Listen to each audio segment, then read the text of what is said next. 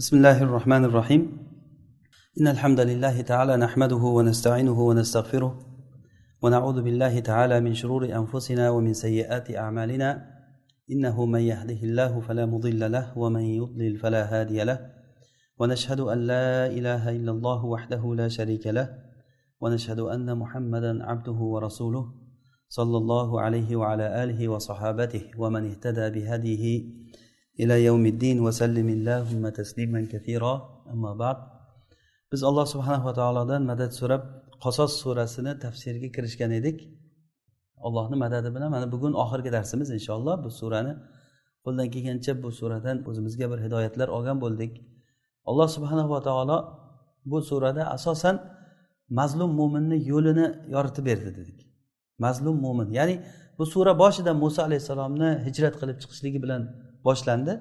Va oxirida rasululloh sollallohu alayhi vasallamni hijratini e, gapirib tugatdi bu surada.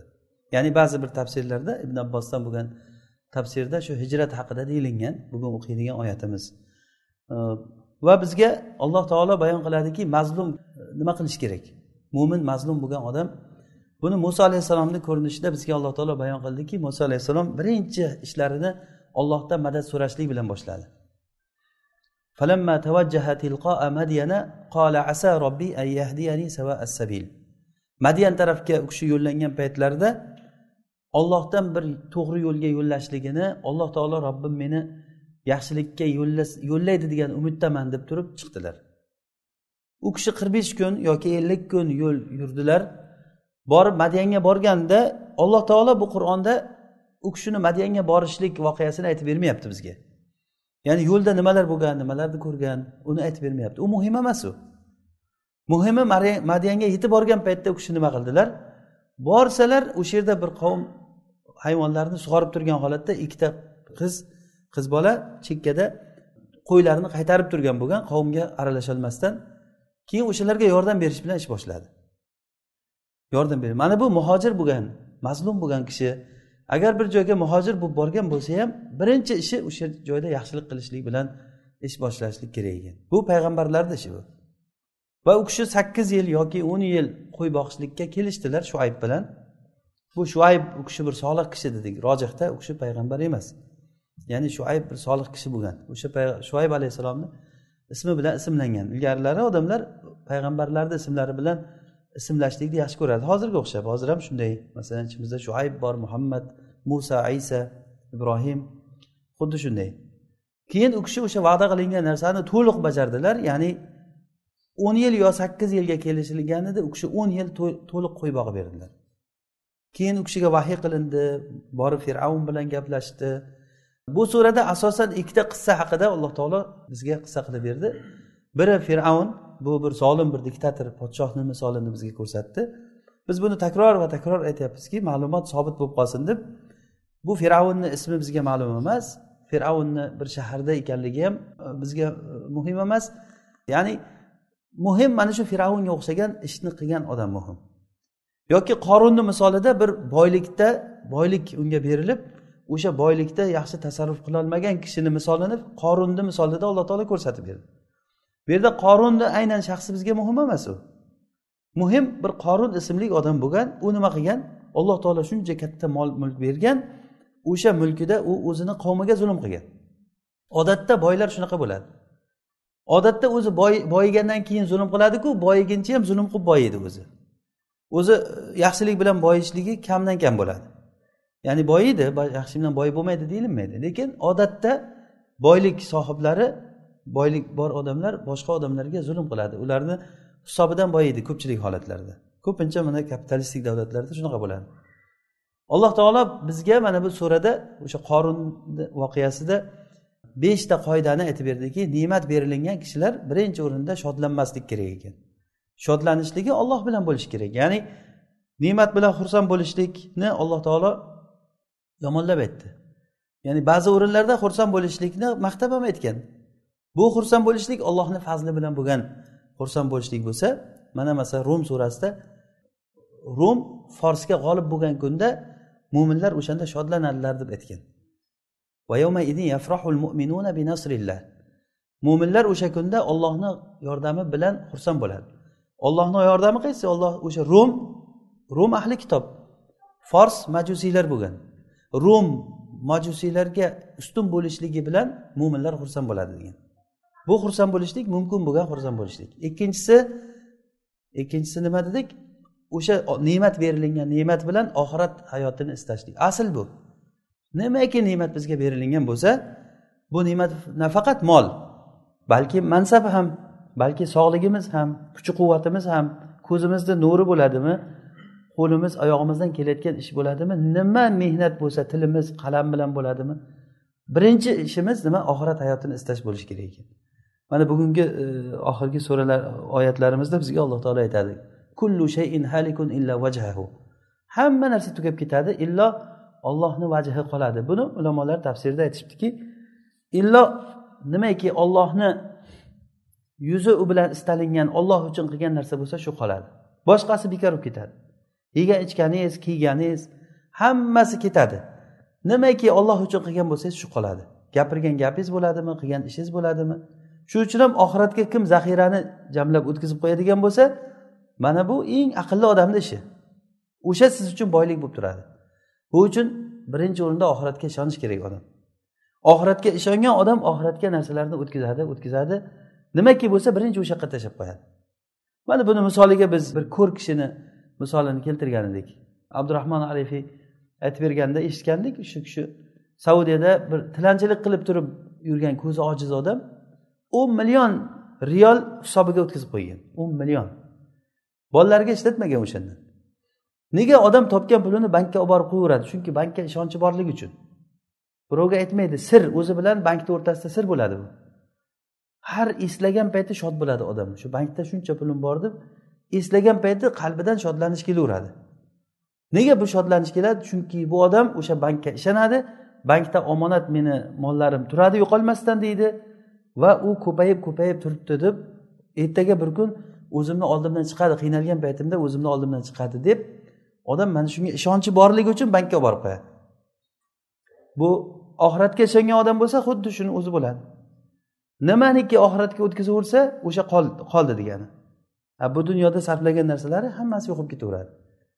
Mana molim molim deysan seni molingdan faqatgina kiyib eskirtirganing yoki uni yeb yo'q qilganing yoki bo'lmasa sadaqa qilib uni qoldirganing degan rasululloh sallallohu alayhi vasallam hadisda hadis qudusiyda aytgan. Odam o'sha nimaniki olloh yo'lida sarflagan bo'lsa shu qoldi. Ammo bu dunyoda sarflagan narsasi hammasi yo'qolib ketadi. Kullu shayin halik. Hamma narsa yo'qolib ketadi. Illa vajhahu illo ollohni yuzi istalgan narsalar qoladi. Imom molik muatto kitobini yozaman degan paytda buni misolini aytgandik. Muattosini yozaman deganda ibn abi zibni sunani borku nima qilasiz yozib deyilgan ekan.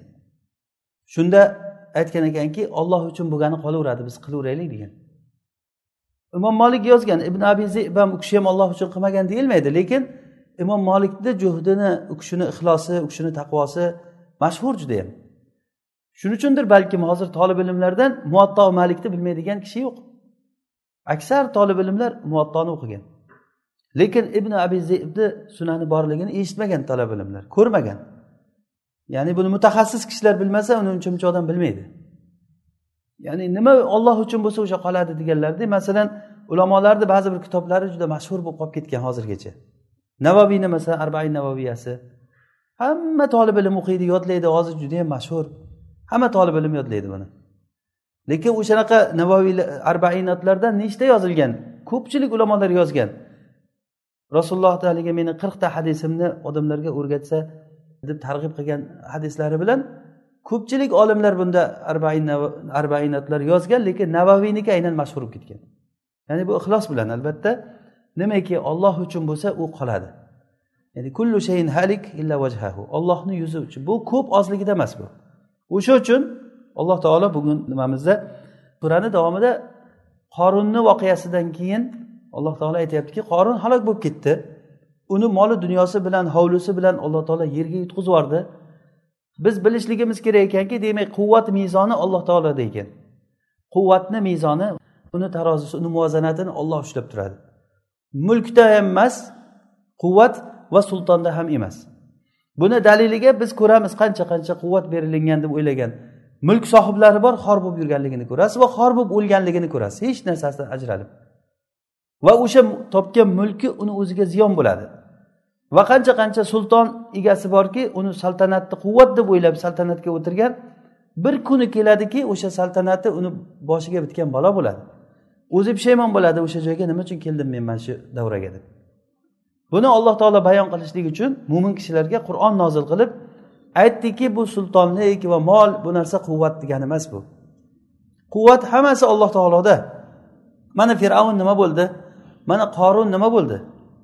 O'shandan keyin alloh taolo aytyaptiki tilka darul axiratu naj'aluha lilladina la yuriduna uluvan fil ardi va la fasada val aqibatu lil muttaqin. Mana bu oxirat hovlisi. Biz bu oxirat hovlisini dunyoda uluv zulm odamlarga o'zini katta olishlikni odamlarga ustun bo'lishlikni xohlamaydigan va fasodni xohlamaydigan odamlarga biz buni beramiz degan. Demak oxirat hovlisi jannat hovlisi kimga berilar ekan? Yerda ibn abbos aytganlaridek ya'ni uluvan fil ardi ay tajabburan fil ard degan. Yerda zo'ravonlik qilishlik birovga ustun bo'lishlik har bir narsada. Oddiy qo'shni qo'shniga ustun bo'lishligi yoki qaynalar keliniga ustun bo'lishligi masalan. Yoki ikkita xotini bo'layotgan bo'lsa bitta xotini ikkinchi xotinga ustun bo'lishlikni xohlaydi masalan. Bu tajabbur degani mana shu narsa zulm yo'li bilan o'ziniki emas bo'lgan narsani birovnikidan olishlik. Oddiy bir joyda majlisda o'tirganda ham agar rasululloh sollallohu alayhi vasallam aytganlarki kim bir joyda o'tirsa o'sha joydan turib ketsa u joyga o'sha haqlik masalan bir o'tirgan odam suv ichish uchun bir joyga tursa o'sha joy shuniki. U kelguncha joyiga o'tirib olsa bu odam demak tajabbur bo'ladi. Oddiy narsani men misol qilyapman hozir. Bundan tashqari ketaveradi endi masala. Uluvan fil ard vala fasada. Fasod degani birovni molini harom yo'l bilan yeyish deb ham tafsir qilingan. Fasodni turi ko'p judayam fasodni turi ko'p. Demak jannat hovlisi bo'lsin menga degan odam mana shu ikkita sifatni yaxshilab o'zida shakllantirish kerak. Ya'ni yerda zo'ravonchilikni xohlamaslik kerak. Zo'ravonchilik birovni haqqini olishlik. Qanaqa ma'naviy haq bo'lsin u hissiy haq bo'lsin uni farqi yo'q. Qanaqa haq bo'lsa ham birovni haqqini olishlik birovni haqqini yeyish zo'ravonlik harom yo'l bilan mana bu jannat ahlini xislati emas bu. Va fasod qilishlikni xohlamaydigan odam. Fasod har bir masalan e, oyoq kiyimlarni masalan tepib yiqitib ketaverish ham fasodga kiradi masalan. Yurib ketayotgan paytda yo'lda ketishda ham bir narsalarni yo'lga ag'darib ketsa e, mana bu ham bir fasodga kiradi. Alloh taolo fasod qiluvchilarni yoqtirmaydi.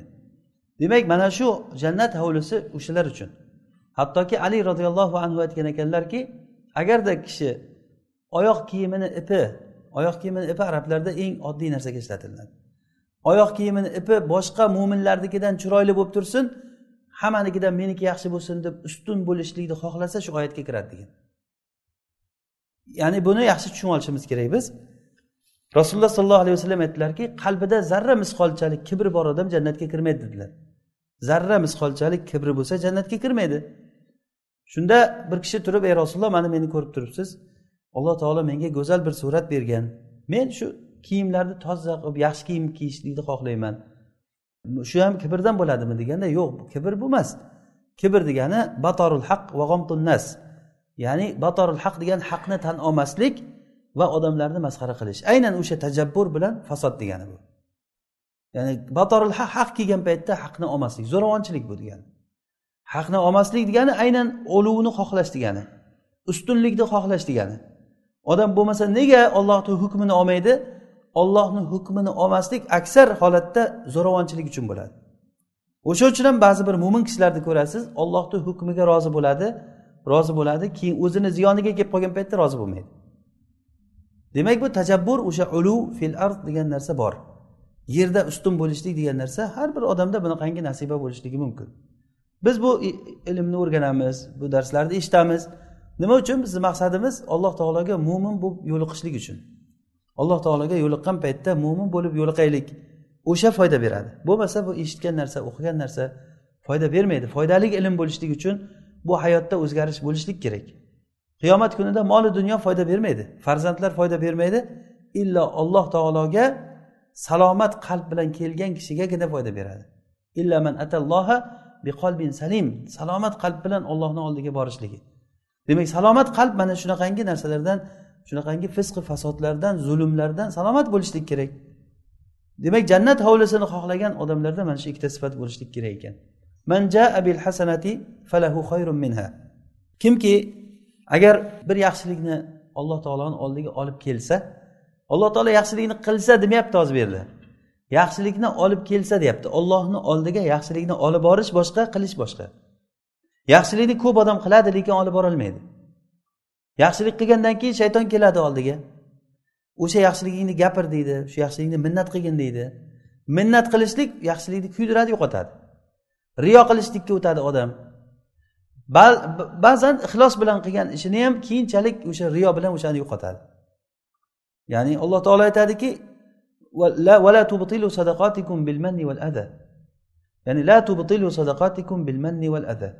Sadaqalaringni olloh uchun bergan sadaqalaringni sizlar minnat va ozor bilan yo'qqa chiqarmanglar degan. Mana bu narsa o'sha yaxshilikni qilish qilib ollohni oldiga olib borolmaslik bor. Ollohni oldiga kim agar bir yaxshilik bilan borsa olloh unga undan ko'ra yaxshirog'ini beradi. Kimki yomonlik bilan kelsa allohni huzuriga. Yomonlik ham xuddi shunday qilgandan keyin agar alloh taolo kechirmagan bo'lsa uni ollohni huzuriga borguncha u yomonligi bo'ynida tursa odamni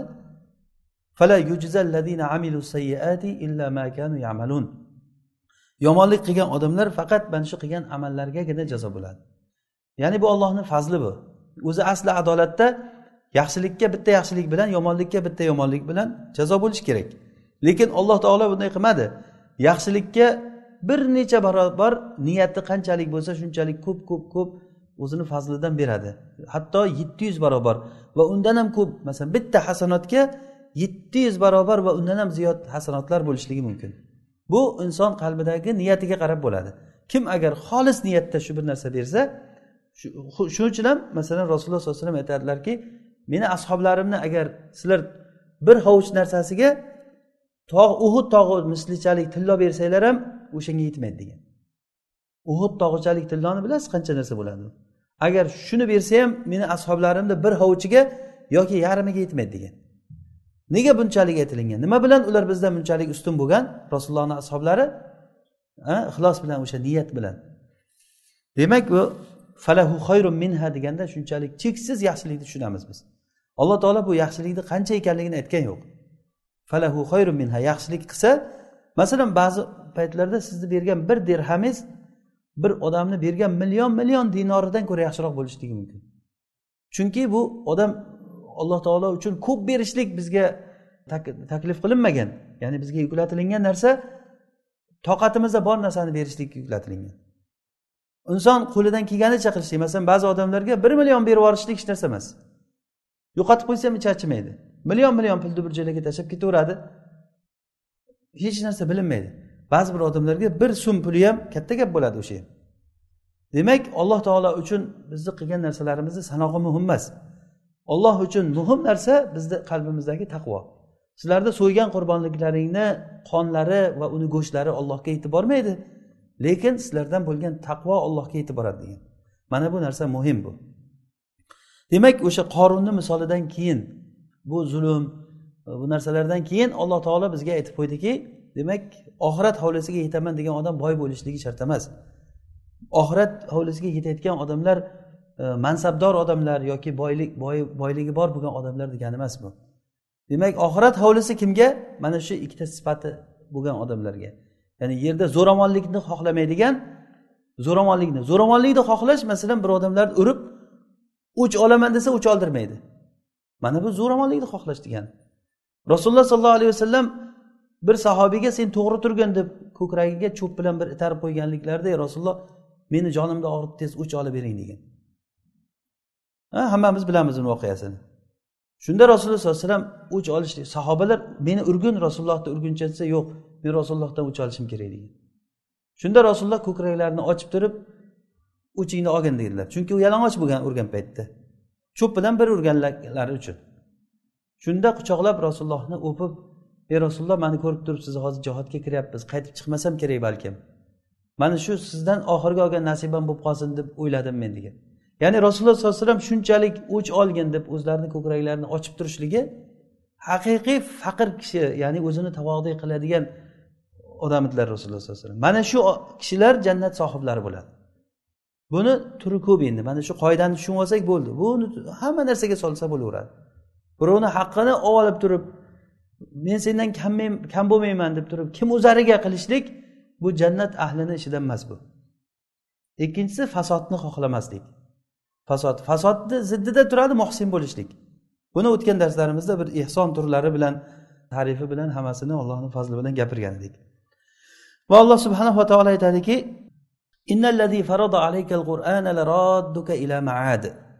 ya'ni bu surani qasos surasini davomida alloh taolo aytyaptiki senga qur'onni farz qilgan zot seni oxiratga qaytaradi. Ya'ni maad buni tafsirda ibn abbosdan kelgan ekan maad bu qiyomat bu degan.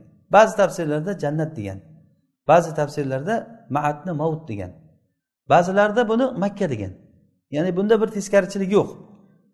Ya'ni bu asli sababi nuzuli ba'zi nimalarda aytishicha ulamolarni e, rasululloh sollallohu alayhi vasallam hijrat qilib chiqqan paytlarida makkadan makkadan hijrat qilib chiqqan paytlarida juhfa degan joyga borganlarida makkani yo'lini oldidan o'tib qolganlar. Ya'ni madinaga ketishda juhfa degan joyda makkaga ketadigan yo'lni ko'rib shu yo'lga qarab qalblari bir ezilib ketdi. Ya'ni o'zi o'sib o'sha yillarda qo'y boqib yurgan joylaridan rasululloh sollallohu alayhi vasallam chiqib ketayotganliklarida endi makkaga men qaytib kelmayman. Shu qavmim meni haydab chiqardi shu yerdan degan narsa qalblaridan o'tgan paytda alloh taolo qur'on nozil qildiki sizga qur'on nozil qilgan zot ya'ni olloh siz mana shu qur'onni deb chiqib ketyapsiz shu yerdan. Agar rasululloh sollallohu alayhi vasallam mana shu qur'on nozil qilinmaganda edi makkadan chiqmasdi. Eng yaxshi odam kim? Rasululloh bo'lar edi. Ya'ni makkada hamma rasulullohni amin der edi hamma yaxshi ko'rar edi. Nega endi yomon bo'lib qoldi u kishi? Qur'on uchun.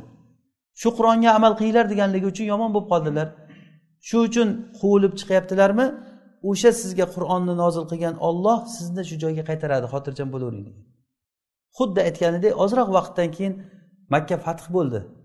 Shunaqangi fath bo'ldiki mana hammamiz tarixidan bilamiz urushsiz hech bir narsasiz urush qilishlikka toqati ham bo'lmagan makka ahlini. Shunchalik katta o'zini e, jabborman deb yurgan kuchliman deb yurgan odamlar ko'pi o'lib ketdi. Qolganlari musulmon bo'ldi majbur bo'lgan holatda. Mana abu sufyon roziyallohu anhu alloh taolo u kishiga yaxshilikni xohlagan ekan. Amr ibn os ikrimat ibn abi jahl sham ibn haris haris ibn sham va boshqa safvon ibn umayya va boshqa sahobalar musulmon bo'ldi. Shuncha katta katta musulmonlarga qancha ozor berib yurgan odamlar. Demak alloh taoloni bu va'dasi bo'ldiki sizni bu yoqqa qaytaradi hali makkaga. Ya'ni alloh taolo biladi kim ollohni yo'lida hidoyatda ekanligini va kim zalolatda ekanligini biladi dedi alloh taolo. Ya'ni bu makka mushriklarini misolida aytilyaptiku lekin bu hamma qiyomat kunigacha bo'lgan odamlarga taalluqli narsa. Men haqman deydi. Kim bo'lsa ham men haqman deydi. Olloh biladi kimni haqda ekanligini. Haq bu robbil alaminni tushirgan kitobi. Mana shu qur'onni bizga farz qilgan qur'onni tushirgan zot shu zot o'zi biladiki kim haqda kim nohaqda. Alloh taolo aytyaptiki rasululloh sallallohu alayhi robbik senga kitob nozil qilinishligi bu vahiy qilinishligini sen umid ham qilmasding. Illo bu ollohdan bo'lgan rahmat bo'ldi bu. Ollohni rahmati bilan qur'on nozil bo'ldi. Rasululloh sollallohu alayhi vasallamga rasululloh hech xayoliga kelganmidi qur'on nozil qilishligi u kishiga makkada qo'y boqib yurgan paytlarida mana rasululloh sollallohu alayhi vasallam aytganlar hamma payg'ambar qo'y boqqanlar. Siz ham qo'y boqqansiz men rasululloh deganda ha men ham qo'y boqqanman. Makka ahlini qo'ylarini arzimagan qiyrot evaziga boqib berardim deganlar ya'ni rasululloh yoshliklaridan o'zi bir manfaatli kishi bo'lgan. Yoshlik paytlarida makka ahlini qo'yini boqib bergan.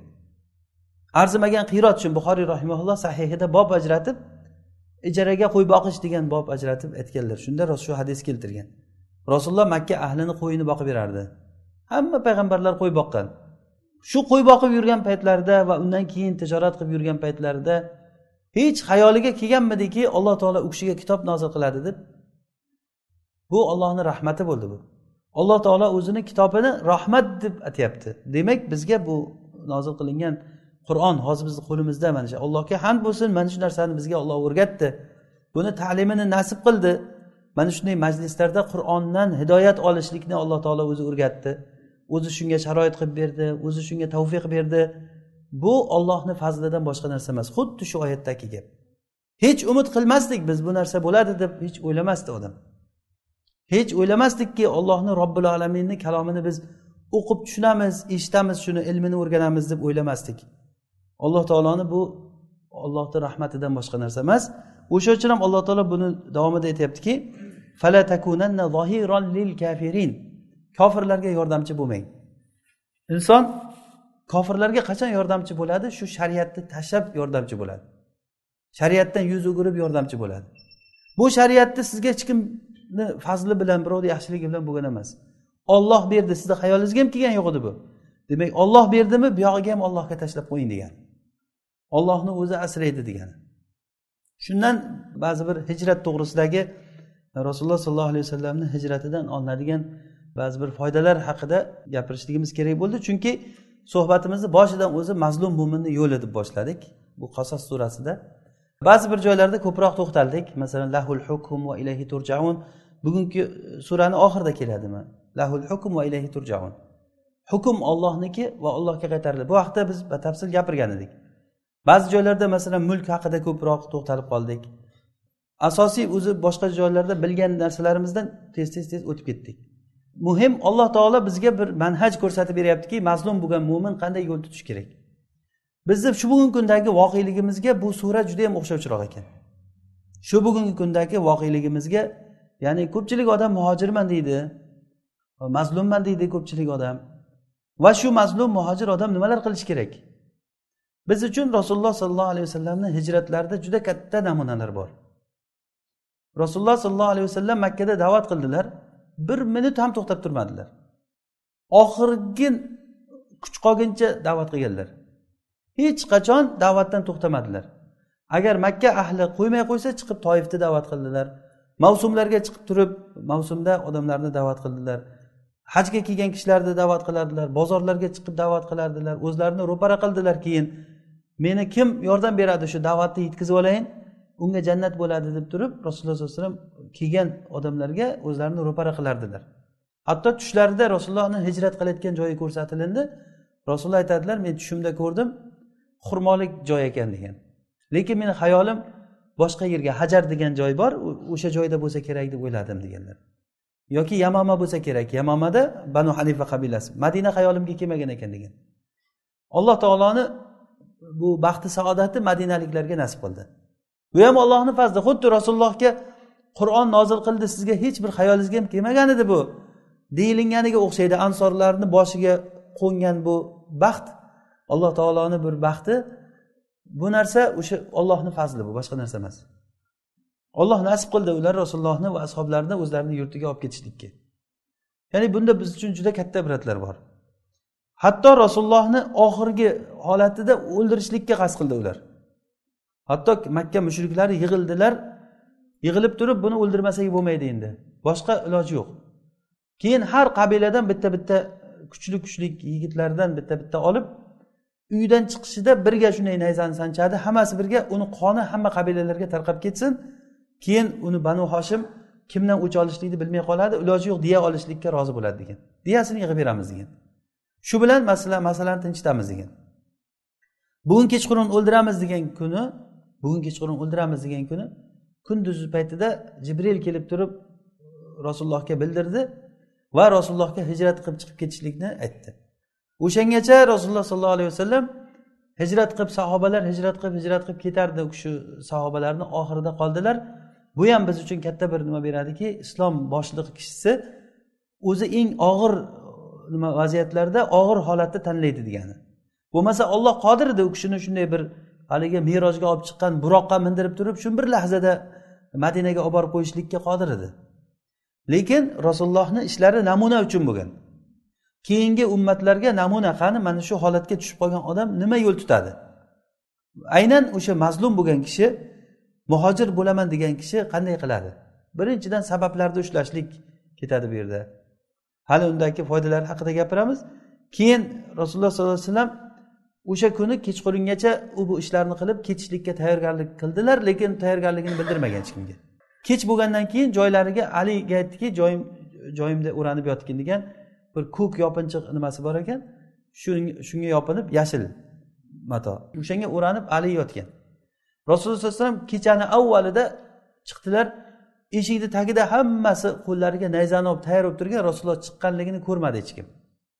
Yasin surasida min bayni aydihim sadda va min xalfihim saddan fahum la yubsirun oyatini o'qib chiqdilarda hammalarini boshlariga tuproq qo'yib chiqdilar haligilar. Boshi tuproq bo'lib qolgan hammasini ko'zlari ko'rmay qolgan rasulullohni chiqqanligini bilmagan. Shu bilan rasululloh ketgan to'g'ri abu bakrni uyiga borgan. Abu bakr roziyallohu anhuni uyiga borib turib abu bakr rasululloh kelgandan keyin ketdik alloh taolo ruxsat berdi ketishga degan.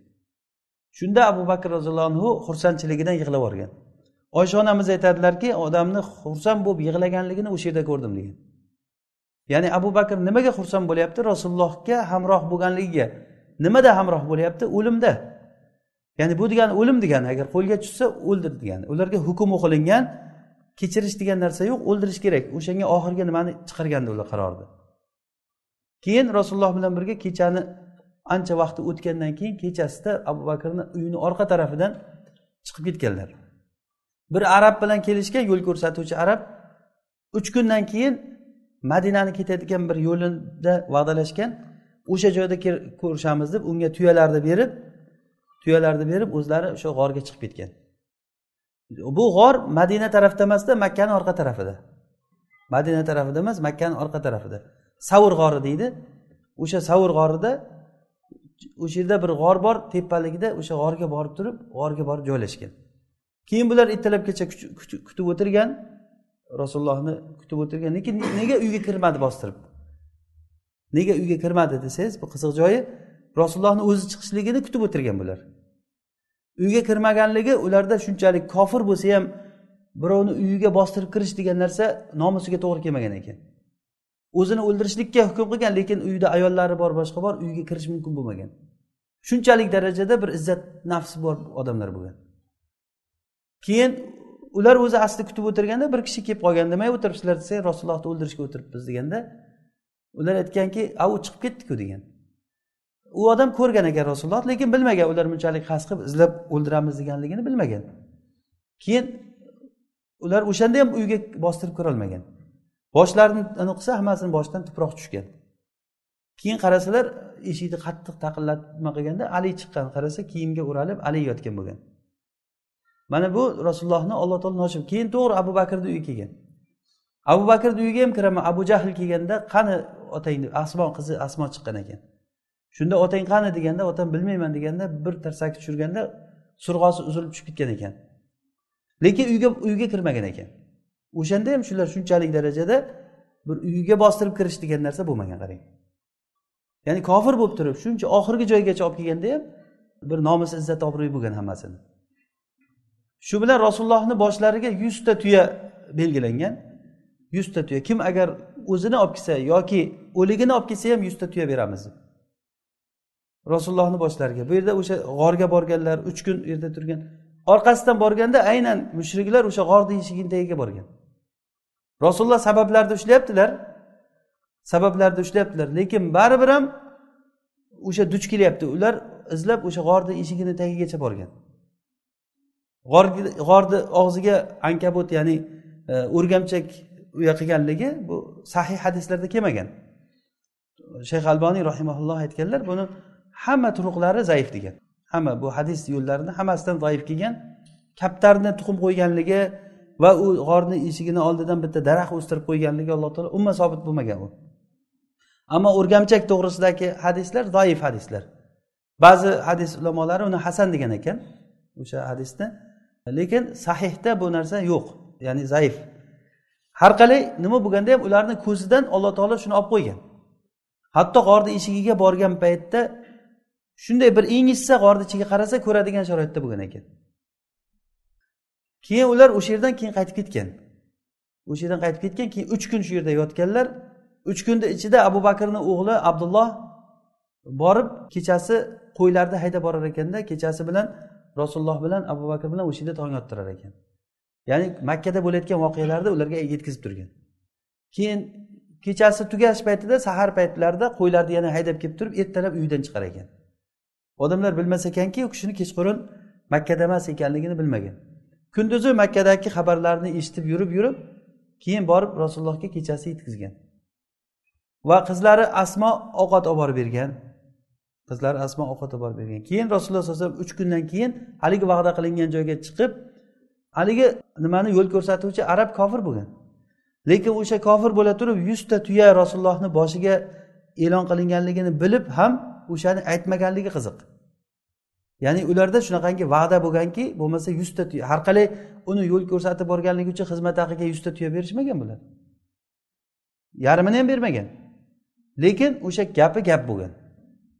Yo'l ko'rsatib madinagacha olib ketish kerak bo'lgan. Shu bilan abu bakr rasulullohni olib ular yo'lga chiqqan. Yo'lda ketishlarida suroqat ibn malikni voqeasi bor. Buni qisqacha qilib aytib o'tib ketyapman ko'p eshitganmiz hijrat voqealarini. Ya'ni o'sha suroqa ular rasulullohni orqasidan tushadi.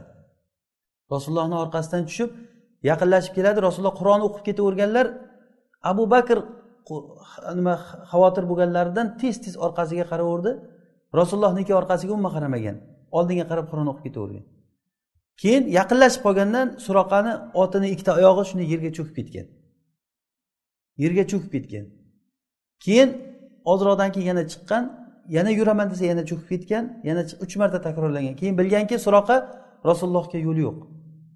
O'shanda to'xtanglar menga men bilan kelishinglar degan menga omonlik yozib bering degan rasulullohga bilganki rasulullohni ishi zohir bo'lishligini bilgan. Shunda rasululloh unga omonlik xati yozib bergan. Qachon suroqqa bizni oldimizga kelsa unga omonlik bo'ladi deb.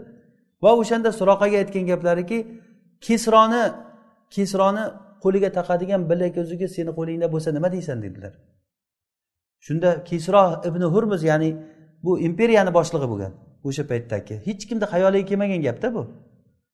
O'sha hali seni qo'lingga tushadi deganlar xuddi rasululloh aytganlaridek bo'lgan. Umar ibn xattobni xalifalik davrlarida kisro yiqilgandan keyin butun uni hamma mol mulkini g'animat qilib turib umarni oyog'ini takka olib kelib tashlaganda ichida kisroni o'sha qo'liga toqadigan bilak ham bo'lgan ekan. Shunda suroqa borib umarga aytgan ekan rasululloh menga shunday degandilar deganda rasulullohni va'dasini bajaramiz deb o'shasini olib qo'liga toqib qo'ygan ekan. Rasulullohni aytganlari bo'lsin deb. Ya'ni o'shanda suroqat ibn malik keyin aytganki men bo'ldi sizlar men omonlik yozib bergandan keyin odamlarni sizdan qaytaraman deb turib ular qaytib ketishgan keyin. Borib odamlar keyin ko'rib odam haligi rasululloh o'tganligini ko'rib ba'zi odamlar payqab qolgan. Shunda orqasidan tushganda suroqa ularni oldidan chiqib yo ular boshqa men borib keldim ular boshqa odamlar ekan. Falon qabiladan bo'lgan boshqa odamlar ekan. Bir e, tuyasini yo'qotib qo'ygan ekan shuni izlab yuribdi ekan deb aytgandan keyin odamlar qaytgan buni gapiga ishonib. Ya'ni bu ertalab rasulullohga dushman bo'lib chiqib kechqurunda rasulullohni himoya qiluvchi bo'lib qolgan. Bu ollohni bir qadari bo'lgan o'zi e, xohlagan bir ish sodir bo'lishligi uchun bo'lish kerak bo'lgan narsa bo'lgan bu. Shu bilan rasululloh sollallohu alayhi vasallam madinaga bordilar. Bu hadisda judayam katta biz uchun ibratlar bor hozirgi voqealarda. Birinchidan sabablarni ushlashlik. Rasululloh sollallohu alayhi vasallam hijratga chiqishlik uchun yuz foiz sabablarni ushladilar. Hozirgi aytganimizdek o'rniga alini yotqizib qo'yganliklari haligi yo'l ko'rsatuvchi arabga kelishib qo'yganliklari bu narsalarda yuz foiz sabablarni ushlash bor va yana shu sababni ushlashni orqasidan ollohga qattiq suyanishlik bor.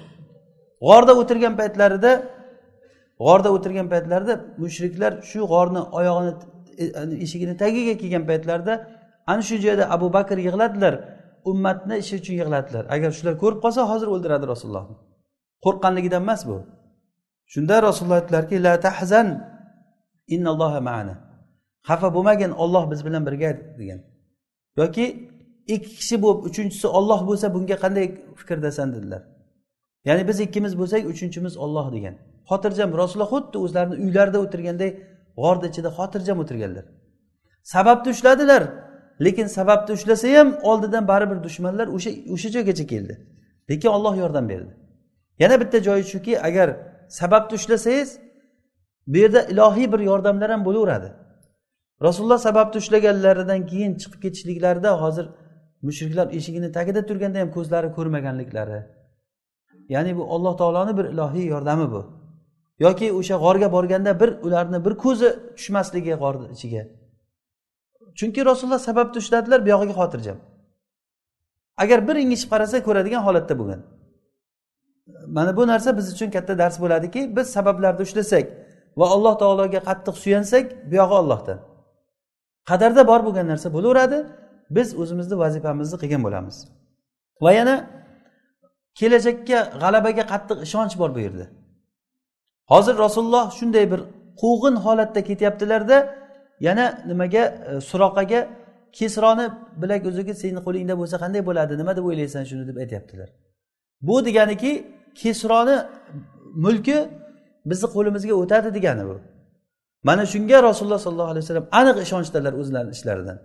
Ya'ni mo'min kishi doim mana shunday o'zini ishidan ishonchda va ollohni nusratidan doim bir yaxshilik umidida bo'lishi kerak. Bu narsa hozirgi kunda ko'pchilik mo'minlarda topolmayotgan narsamiz. Umidsizlanib qolgan bo'ldi endi hech narsa bo'lmaydi hech qanday foydasi yo'q degan narsalar. Birinchidan sabablarni ushlashligimiz yo'q. Ikkinchidan ollohga bo'lgan e'timod suyanch yo'q. Uchinchidan mana shu nusrat va g'alabaga bo'lgan ishonch. Kelajakdan alloh taoloni beradigan fazliga ollohni beradigan nusratiga ishonch bo'lishlik kerak. To'rtinchisi rasululloh sollallohu alayhi vasallamni o'zini hamroh bo'lishlikka haris bo'lganliklari. Rasulullohni sunnatlariga qaraydigan bo'lsak biz ko'p holatlarda rasululloh sollallohu alayhi vasallam ko'p holatlarda hamroh bo'lishlik ya'ni qariyb hamma holatda hech qachon yolg'iz yurmaganlar. Toifga chiqqanlarida ham hamroh bilan chiqdilar bu yoqqa chiqqanlarida ham hozir hijrat qilib turib madinaga chiqqanlarida ham abu bakr u kishini hamrohi bo'ldilar. Va yana qaysi holatda ko'ring bayatul aqabada madina ahli bilan suhbatga chiqqan paytlarida amakilar abbos birga chiqqan. Kofir bo'lgan lekin kofir bo'lsa ham amakisi bo'lganligi uchun rasulullohga ichi achib ular baribir begona odamlar nima deydi ular men eshitishim kerak ularni deb rasululloh bilan birga chiqqan. Ya'ni rasululloh sollallohu alayhi vasallam ashoblarini ham doim vasiyat qilardilarki yolg'iz yurmanglar. Shayton yolg'iz kishi bilan birga bo'ladi. Ikki kishidan shayton uzoqlashadi degan. Ya'ni ikki kishi bo'lsa shayton o'shandan uzoqlashadi. Haqiqatda hozirgi kunda ham agar bir o'zi yurgandan ko'ra yonida bir kishi yursa o'shalardan shayton uzoq bo'lganligini dalili hech bo'lmasa nomahram ayollarga qaramaydi bir kishi bilan yurgan paytda. Bir o'zidan ko'ra yonida bir kishi bo'lsa shaytonni uzoq bo'lishligini bitta dalillaridan bu ham rasululloh sollallohu alayhi vasallam sunnatlari doim mana shunday bir o'zlari bilan hamroh olib yurishlikka tavsiya qilar ekanlar. Keyin rasululloh sollallohu alayhi vasallam bu yerda ummatni boshlig'i haqiqiy qo'mondon sarkarda ekanliklari ko'rinadi. Sahobalarni bitta bitta hammalarini makkadan madinaga jo'natdilar. Judayam haligi do'ppi tor kelgan paytda hech makkada iloji bo'lmay qolgandan keyin hijrat vojib bo'ldi. Ungacha sahobalarga da'vat qilishlik shu yo'lda turishlik buyurilgan qo'l ko'tarishlikni man qilingan. Ursa ham sabr qilinglar so'ksa ham sabr qilinglar da'vat qilaveringlar. Faqat da'vat qilinglar qo'llaringni tiyinglar degan narsa bo'lgan o'shanda shunga ham qo'ymay qo'ygan. Hatto ba'zilarini o'ldirishdi ular. Judayam og'ir bo'lib ketgandan keyin habashistonga hijrat qilishlikka buyurdi. Keyin habashistondan keyin keyin madinaga hijrat qilishlikka buyurilindi. O'shanda sahobalar chiqib chiqib ketganlar rasululloh eng oxirlarida chiqqanlardan bo'lgan. Qariyb oxirida chiqqan rasululloh sallallohu alayhi vasallam. Undan oldin ashoblarni hammalarini jo'natganlar. Hatto birinchi o'rinda mushab ibn umayrni jo'natdilar ansorlarga ta'lim berishlik uchun. Borib ular ansorlarga ta'lim berganlar keyin ansorlarni uylarida hamma qariyb hamma ansorlarni uylarida islom suhbati bo'lib qoldi. O'shandan keyin muhojirlar bordi va u yerda katta bir imkoniyatlar bo'ldi. Va shu yerdan hozir suhbatimiz suhbatimizni o'rtasida aytishimiz mumkin. Nima uchun? Habashiston yeri hijrat yeri bo'lmasdan madina bo'ldi deb. Allohu alam birinchidan bu narsa ularni tilini boshqaligi e, habashiston yerini va yurtini uzoqligi bu bitta sabablardan bo'lsa ham lekin asosiy sabab allohu alam u yerda habashistonda faqat ularni podshosi bularni musulmonlar tarafini olayotgan odam edi. Qolgan xalqi kofir edi musulmonlarni rahmni yeydigan odamlar emas edi. Bitta podshohga ularni e, nimasi bog'lanib qolar edi. Agar o'sha odam o'lishligi bilan yo uni fikri o'zgarishligi bilan musulmonlar yana yomon holatga tushib qolaverardi. Ammo madinada bo'layotgan bo'lsa madinada bitta muayyan bir kishiga suyanish bo'lmagan xalq bo'lgan ular. Xalq ansor bo'lgan. Mana bu tomondan ham ansorlar bo'lishligi islomni tarqalishligiga juda katta bir poydevor bo'lar ekan. Buni alloh taolo bizga ko'rsatib berdi.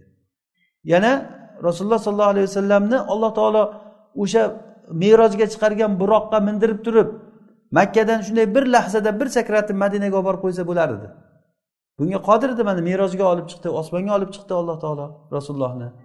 Baytul maqdisga borib keldilar mana. Qodir edi bu narsaga. Lekin hijratda mana bunday xuddi oddiy odam chiqqanday chiqib ketganlar nima uchun bu qiyomat kunigacha muhojir bo'lgan mazlum odam nima qilish kerak ekanligiga dars bo'lishlik uchun? Rasululloh sollallohu alayhi vasallam sabablarni yuzga yuz ushlab alloh taologa yuzga yuz suyangan holatda dushmanlar ham anoyi odamlar emas edi. Qarangki rasulullohni qochib chiqqan ayni g'orga borgan joyga o'sha joyga borib o'tiribdi.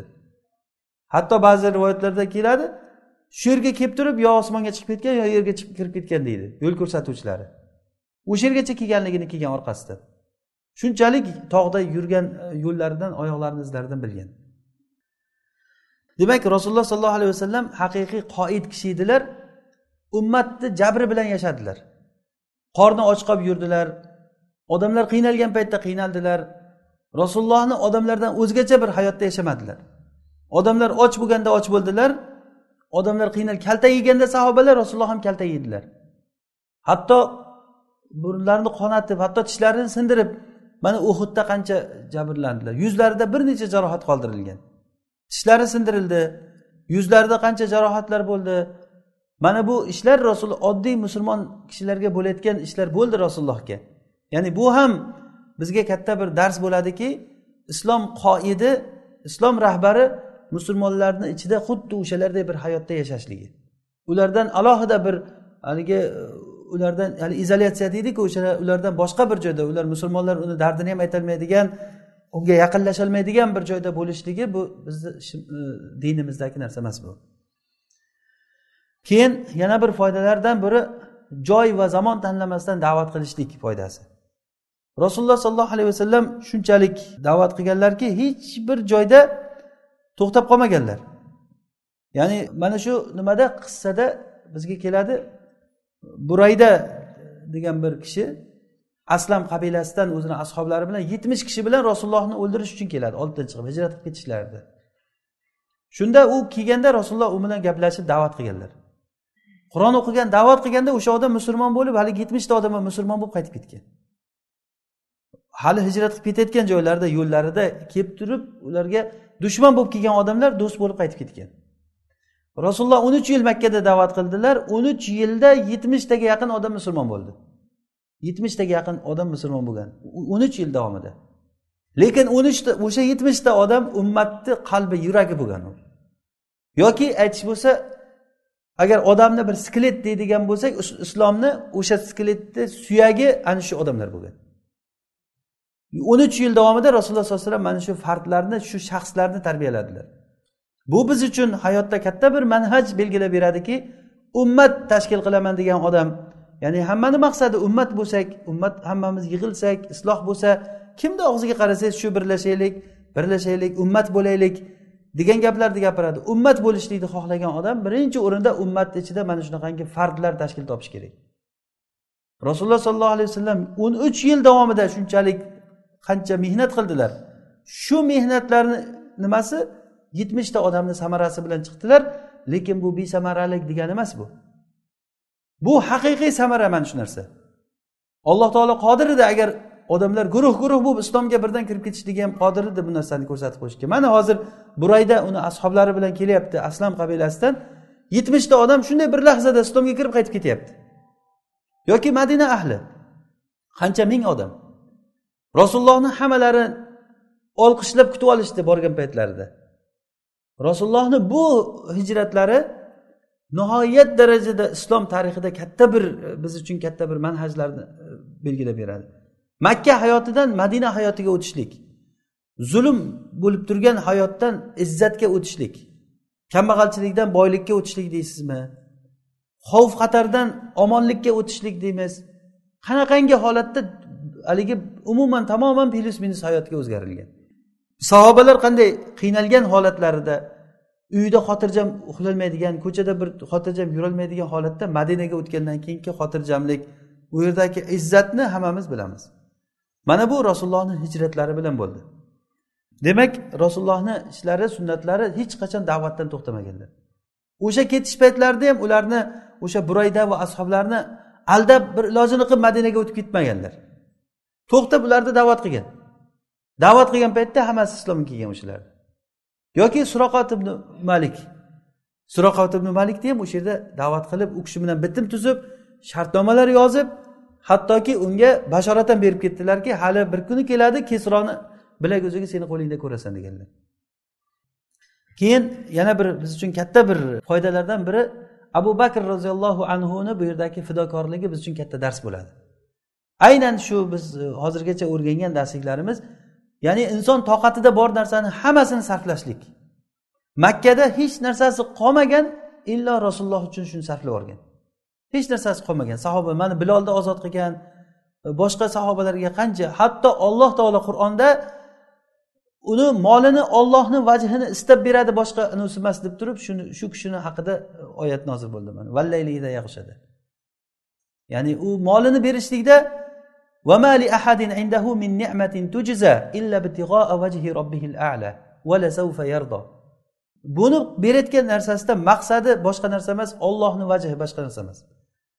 Yaqinda rozi bo'ladi bu olloh bergan narsalardan yaqinda ollohni huzuriga boradi bu ollohni huzuriga borganda rozi bo'ladi degan. Abu bakr ham bizga o'xshagan odam bo'lgan. Lekin farqi nimada masalan? Hozir mana shu abu bakrday mol dunyosi bor odamlar yo'qmi masalan? Qancha mo'minman degan musulmonman degan odamlar bor. Abu bakrdan nechi chandon moli ko'p bo'lishi mumkin. Lekin nimani sotib olyapti odamlar? Lekin abu bakr roziyallohu anhu mana shunday hatto rasululloh bilan hijrat qilishlikda ey rasululloh ruxsat berildimi ketishga? deganda ruxsat berildi. Abu bakr rasulullohga hamroh bo'lganligini eshitganda yig'laganliklarini qarang. Ya'ni bu xursandchilik yig'isi oysha onamiz aytganlaridek odam xursand bo'lganda yig'lagan odam o'shanda ko'rganman degan. Endi bu xursandchilik bir kurotga dam olgani ketishlikka xursand bo'lgani yo'q. Rasulullohga o'limda sherik bo'lyapti. Mana shu ketishda uni fidokorligiga hatto safarda ketish paytlarida abu bakr bir rasulullohni orqasida yursa ozroqdan keyin yugurib oldiga o'tib olar ekan. Yana yurib yana orqasiga o'tar ekan yana oldiga o'tar ekan. Shunda rasululloh buni payqab qolib nimaga bunday qilyapsiz? Dam oldimda dam orqamga o'tasiz deganda oldingizda yursam ey rasululloh orqadan dushman kelib qolarmikan deb o'ylayman. U qotsa menga tegsin deb orqangizga o'tib olaman degan. Agar orqangizda yursam oldidan bir pistirma chiqib qolmasin deb eslaymanda otilinsa menga tegsin deb oldinga o'taman degan. Ya'ni bir odam ham rasulullohni oldilaridan ham orqalaridan aylanib himoya qilib ketishligini o'zi mana bu biz uchun katta dars bu. Ya'ni rasululloh uchun bu dinni kelajagi uchun ya'ni u kishi nima uchun bunchalik xafa bo'lib yig'ladilar? Masalan g'orda turgan paytda yig'laganliklari ummatga rasululloh agar shu yerda hozir dunyodan o'tayotgan bo'lsa bu rahmat kesilib qoladiku bu ummatga. Mana shunga ichi achiganliklaridan bo'ldi bu narsa. Ana shu uchun abu bakr bu ummatni eng afzali mana shu bizni qilayotgan darsliklarimiz ham gapirayotgan gaplarimiz ham hammasini savobi shu kishiga boraveradi. Chunki u qalbidan sidiq bilan shuni xohlagan ediki shu din ollohni rahmati ummatga tarqalsin deb moli dunyosini kuchini hammasini sarfladi. Hatto o'lguncha o'lim to'shagida yotayotgan paytlarida ham o'lim to'shagida yotgan paytda ham yaxshilik qilib ketganlar. Oxirgi nafasigacha yaxshilik kuchini sarflagan. Hech nimasi qolmaguncha. Va bunda o'sha abu bakr siddiqni rasululloh sollallohu alayhi vasallamni yaxshi ko'rganligi muhabbati ko'rinib turibdi. Rasululloh sollallohu alayhi vasallam ana buxoriy va muslim rivoyat qilgan hadisda anas ibn molikdan e, men hech birlaring komil mo'min bo'lmaydi toki men unga butun insonlardan yaxshi bo'lmagunimcha dedilar. Min validihi va valadihi va nasi ajmain. Ya'ni hatto men unga otasidan bolasidan va jamiki odamlardan ko'ra sevikli bo'lmagunimcha iymonli komil iymonli bo'lmaydi dedilar. Mana bu narsani abu bakr roziyallohu anhuda ko'rasiz. Ya'ni butun hamma yaxshiligini rasulullohga atagan. O'zini jonini rasulullohni yo'li e, oldilarida fido qilgan. Keyin yana bir eng muhim foydalardan bu yerda kishini ahli baytini islomga xizmat qilishligi katta bir ko'rinadi shunda. Ahli baytni xizmat qilishligi bu katta narsa bu. Hozir abu bakr roziyallohu anhuni farzandlari o'g'li abdulloh yoki qizi asmo abu jahl kelib turib tarsaki urib tushirgan paytda ham otasini aytmagan ham hatto o'sha otasiga ovqat olib borib turgan. Yoki o'g'li abdullohni uni zakiyligini u kishini fahm farosatini qarangki otasi bilan bitta maslakda bitta yo'lda bo'lganligi bu katta baxt bu. Oilani bitta manhajda bo'lishligi. Hozir ko'pincha e, bir islomga da'vat qilayotgan kishilarni ko'rasizki oilasini fikri o'zini fikrida emas. Masalan o'zi boshqacha fikrda xotini boshqacha fikrda. Yoki farzandlarini dunyoqarashi boshqacha. Mana bu narsa agar hammani fikri bitta joydan kelib chiqishligi chiqishligi katta bir baxt bu. Bu narsa abu bakrga nasib qilgan edi. Hatto rasululloh borib turib ey abu bakr tushlik paytida borganlar o'sha hijrat qilishlik aytilingan paytda rasulullohga tushlik paytida abu bakrni uyiga borganlar bu paytda rasululloh keladigan payt emas edi. Hatto yuzlarini o'rab borganlar. Shunda uyga to'g'ri kirib kelgandan keyin uyingdagi kishilarni chiqarib yuborgin muhim gap bor degan. Shunday rasululloh bu odamlar sizni ahli meni ahlim sizni ahlingiz degan. Xotirjam gapiravering nima gapingiz bo'lgan bo'ldi? Ishonchli odamlar bular hammasi. Bo'lmasa o'g'li qizi va o'sha yerda mavlosi bo'lgan o'shalarga hammasini oldilarida rasululloh aytdilarki bo'lmasa chiqishlikka ruxsat bo'ldi bizga ketdik degan. Ya'ni buni abu bakrni o'g'li ham qizi ham eshitib o'tirgan ahli bayt hammasi bitta fikrda bo'lishligi juda katta bir ne'mat bu. Va yana abu bakr roziyallohu anhu moli dunyosini olloh yo'lida sarflaganliklari biz uchun katta bir e, darslik bular. Hijrat nimasida haqida qancha gapirsak oz. Bundagi batafsil bir tarixlarni kitoblardan o'qisak agar o'shandagi ibratlarni hozir biz katta katta holatlarni olyapmiz asosiy foydalarni agarda hijrat haqida bir o'rganadigan bo'lsak katta darsliklar bor. Bu hozirgi surada ham alloh taolo aytyaptiki sizga qur'onni farz qilgan zot shu qur'onni deb siz shu hijrat qilib chiqib ketyapsiz. Shu qur'onni deb turib odam o'zini o'sgan joyidan o'zini katta bo'lgan yeridan din deb chiqib ketyaptimi? O'sha chiqib ketgan muhojir odam bilsinki alloh taolo unga katta bir ajr beradi. Hattoki hijrat qilgan joyida ham alloh taolo uni xor qilmasligini va'da qilgan. Bunda muhojir kishi muhojirman degan ism bilan bo'lmaslik kerak muhojirni bir ma'nosi bor bu yerda. Muhojir kishi dindan imkon topish uchun chiqqan bo'ladi. Qanday qilib turib dindan imkon topish uchun chiqqan odam dini oldingidan ko'ra yomonroq holatda yashayotgan bo'lsa buni qanday muhojir deyishlik mumkin? Demak muhojir kishi albatta yerda ko'p yaxshi imkoniyatlar topadi.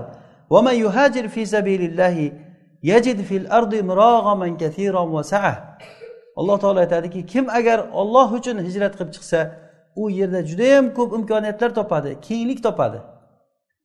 Kimki agar uyidan hijrat qilib muhojir bo'lib chiqsa va o'lsa uni ajri ollohga bo'ladi. Ya'ni uni ajri jannat yo uni ajri falon narsa deb alloh taolo buni belgilab aytmayaptida uni ajri ollohga bo'lyapti. Faqat ajruhu alalloh. Alloh taolo bu aytganlarimizga amal qilishga o'zi tavfiq bersin. Shu bilan bizni bu nimamiz qasos surasi bitta hisob undan keyingi bir ikki oyatlarni o'zi ma'nosini aytib bo'ldik buni ma'nolarini. Asosan bu sura shu haqida suhbat qildik bunda. Ya'ni buni biz qisqa qilib aytishimiz mumkinki mazlum mo'minni yo'li. Mazlum mo'min kishi nima qilishi kerak bu odam? Mana hozir rasululloh sollallohu alayhi vasallam oxirgi holatlarda ham shu surada hijrat haqida gapirib suhbatimizni tugalladik. Ya'ni bu hijrat mazlum bo'lgan mo'min kishi ollohni dinini barpo qilishlik uchun yurtidan qochib chiqib ketishligi va rasululloh sollallohu alayhi vasallam nima qildilar shu chiqib ketishlikda va borganlaridan keyin nima qildilar madinaga? inshaalloh keyingi suhbatlarimizda balkim bu narsaga alloh taolo o'zi nasib qilgan bo'lsa gapirarmiz. Alloh taolo o'zi foydali ilmni bersin hammamizga.